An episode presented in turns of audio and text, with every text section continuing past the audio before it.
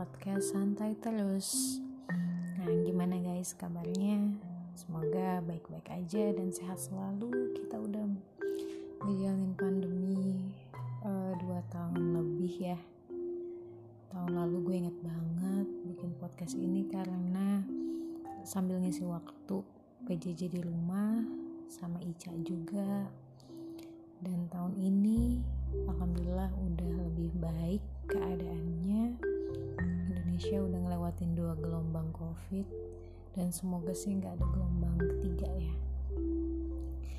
Kemudian hmm, selain tahun lalu gue itu awal bikin podcast. Ketika sekarang satu tahun setelahnya gue bikin dengan status gue yang sekarang udah berubah yaitu udah menikah emang gak ada yang tahu. Dan tahun lalu pun gue nggak ngerencanain nikah tahun ini dan ternyata ya sebulan bulan ini sudah memasuki bulan ketiga. Semoga ya uh, ini adalah journey terakhir. Journey terakhir gue dalam kisah percintaan gue. Amin hari ini gue pengen oh, nginget lagi sih nginget. Tiba-tiba tiba keingetan aja. Keingetan masa kecil gue karena jujur aja setelah menikah selama tiga bulan ini gue kan udah pisah sama nyokap. Udah nggak ada di rumah yang sama. Walaupun jarak rumah gue sama nyokap gue masih dekat cuma ya pasti beda lah rasanya ketika selama 26 tahun lo tidur bareng sama nyokap Iya, emang gue nggak ada kamar sendiri, gue tidurnya sama nyokap sebelum gue nikah. Dan sekarang ketika nikah, di samping lo bukan orang yang sama, gitu, bukan ibu lo lagi, tapi adalah suami lo itu hmm, beda banget. Dan hari ini gue pengen hmm, kebiasaan-kebiasaan nyokap gue.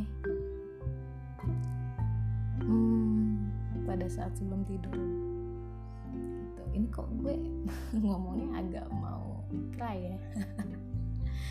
Tapi eh, kocak gak sih ketika nyokap lo tuh ternyata hmm, selalu berusaha bahkan sampai lo dewasa ya sampai lo dewasa selalu berusaha ngasih apa pun itu yang terbaik buat lo gitu. bahkan kalau dulu masih kecil gue inget banget sebelum gue tidur tuh pasti ada ritual nyokap gue ngusap-ngusap punggung gue gue tuh ingatnya udah dari pas TK gitu karena kan ya gue nggak tahu kecil gue gue nggak ingat gitu.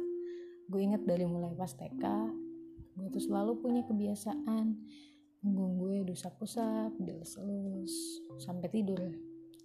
Dan juga nih yang lucu lagi nyokap gue suka banget bacain dongeng gitu.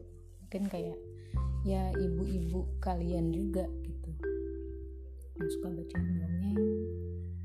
Dan gue yang paling inget dongeng yang sering banget dibacain bahkan mungkin gak dibacain lagi. Entah nyokap gue ada sedikit improve-nya atau mungkin udah hafal juga.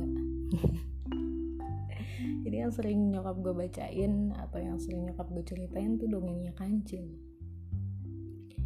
Dongengnya kancil sama Pak Tani dan sekarang ketika gue besar tuh versinya emang banyak banget. Cuman nyokap gue konstan uh, nyeritain tentang dongeng si kancil ini gitu. Kancil sama Pak Tani kalau nggak kancil sama Pak Tani ya kancil sama buaya uh, gitu yang nyokap gue biasanya lakuin. Selain didongengin nyokap gue juga uh, biasanya hmm, nyanyiin nyanyiin gue. Kalau misalnya tadi dongengin kancil kalau nyanyiin kelinci. Mungkin lo tahu lagunya kelinciku kelinciku kau hendak ke mana? Melompat kian kemari sepanjang hari aku ingin menemani sepulang sekolah bermain dan bernyanyi bersama-sama. Kalau masalah gitu ya. Belum banget soalnya. Tapi itu yang sering banget nyokap gue nyanyiin buat gue. Nah sekarang um, gue pengen nyoba bacain dongeng siapa tahu ya siapa tahu nanti ketika gue punya anak anak gue dengerin aja nih podcastnya. Tanpa harus gue dongengin tapi gue pengen sih dongengin anak gue sendiri juga. Cuman gue pengen pengen aja bacain dongeng sekarang. Dongeng yang biasanya dibacain sama nyokap gue itu kisah kancil dan Pak Tani. Ini gue ambil gue bacakan ya gue bacakan dari websitenya gramedia.com sini ada dongeng si kancil. Oke. Kita mulai.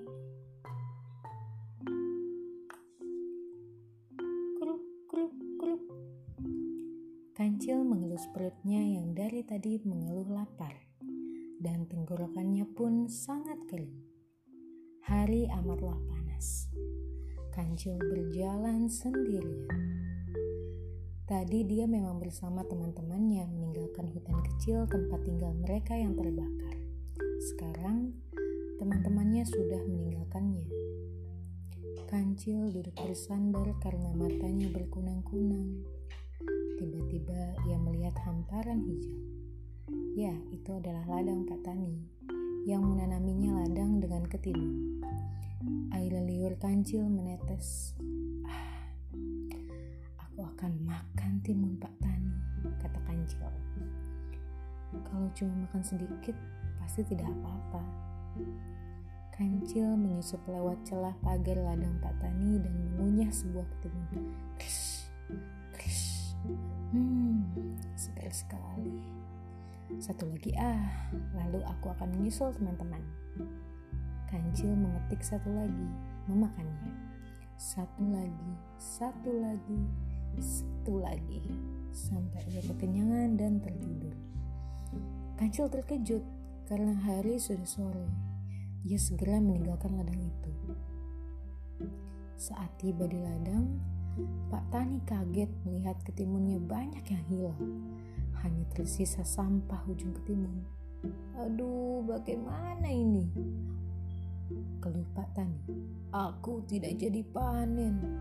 Siapa yang berani mengambilnya ya? Bu Tani berkata, kita takut-takuti saja dengan orang-orangan pak. Siapa tahu dia tidak berani datang lagi. Ide bagus bu. Ayo kita buat sekarang. Mereka membuat orang-orangan dari jerami dan menggunakan baju bekas dan caping Pak Tani. Esok harinya, si kancil memasuki ladang itu lagi. Apa? Pak Tani berjaga di ladangnya. Serunya terkejut. Ia menunggu sampai Pak Tani pergi. Namun kelihatannya Pak Tani betah berjaga di sana. Tapi mengapa Pak Tani diam dan melotot terus seperti itu ya? Kancil memberanikan diri untuk memasuki ladang dan Pak Tani tidak mengusirnya. Akhirnya Kancil mengerti bahwa itu hanya orang-orangan yang dibuat seperti Pak Tani. Ayo makan bersamaku Pak Tani, ajaknya dan mengambil caping orang-orangan itu. Ia makan sampai kenyang, sampai nyender ke tubuh orang-orangan itu. Setelah kenyang, Kancil segera pergi. Sorenya, Pak Tani terkejut karena ketimunnya tetap hilang. Ulah siapa sih ini? Katanya geram.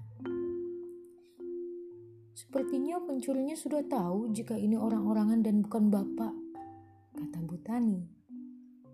Bagaimana jika kita melumuri orang-orangan ini dengan getah, sehingga akan membuat lengket pencurinya? Lalu mereka melumuri orang-orangan itu dengan getah buah nangka.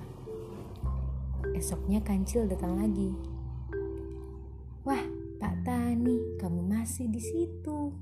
Katanya lalu mulai memetik ketimun dan mulai memakannya sambil menyenderkan tubuhnya. Selesai makan, ia berniat pergi. Tapi oh, badannya lengket menempel ke orang-orangan itu. Tiba-tiba datanglah Pak Tani. Kancil tidak berkutik, dia harus siap-siap dihukum. Oh, rupanya kamu yang memakan hasil jeripayahku. Pak Tani berkaca pinggang. Ampun Pak Tani, maafkan aku. Hutan kecil kami terbakar beberapa hari lalu. Kancil memohon. Ya tapi tetap saja mencuri itu tidak, itu tidak baik. Enaknya saya kasih kamu hukuman apa ya? Pak Tani tetap kesal.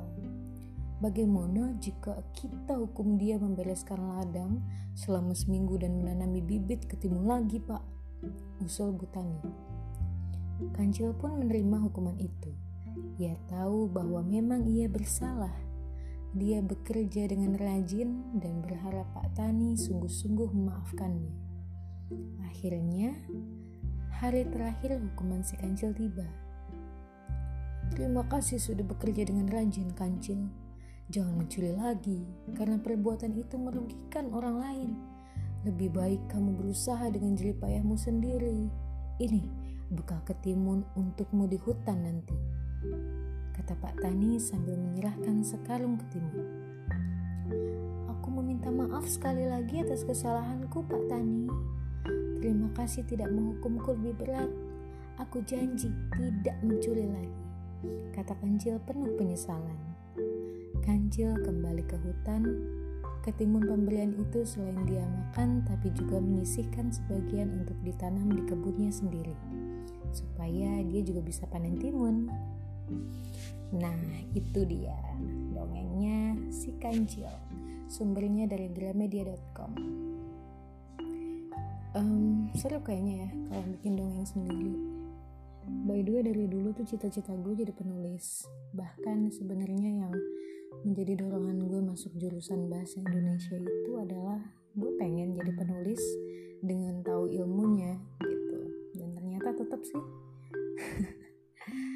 konsistensi yang bakal ngebawa lo buat jadi apa pun itu dan karena gue orangnya kurang konsisten jadinya gue di sini sini aja tapi keinginan itu masih tetap tetap ada di diri gue jadi doain soon lo bakal baca dongeng gue di toko buku. Oke, okay, see you next time. Bye.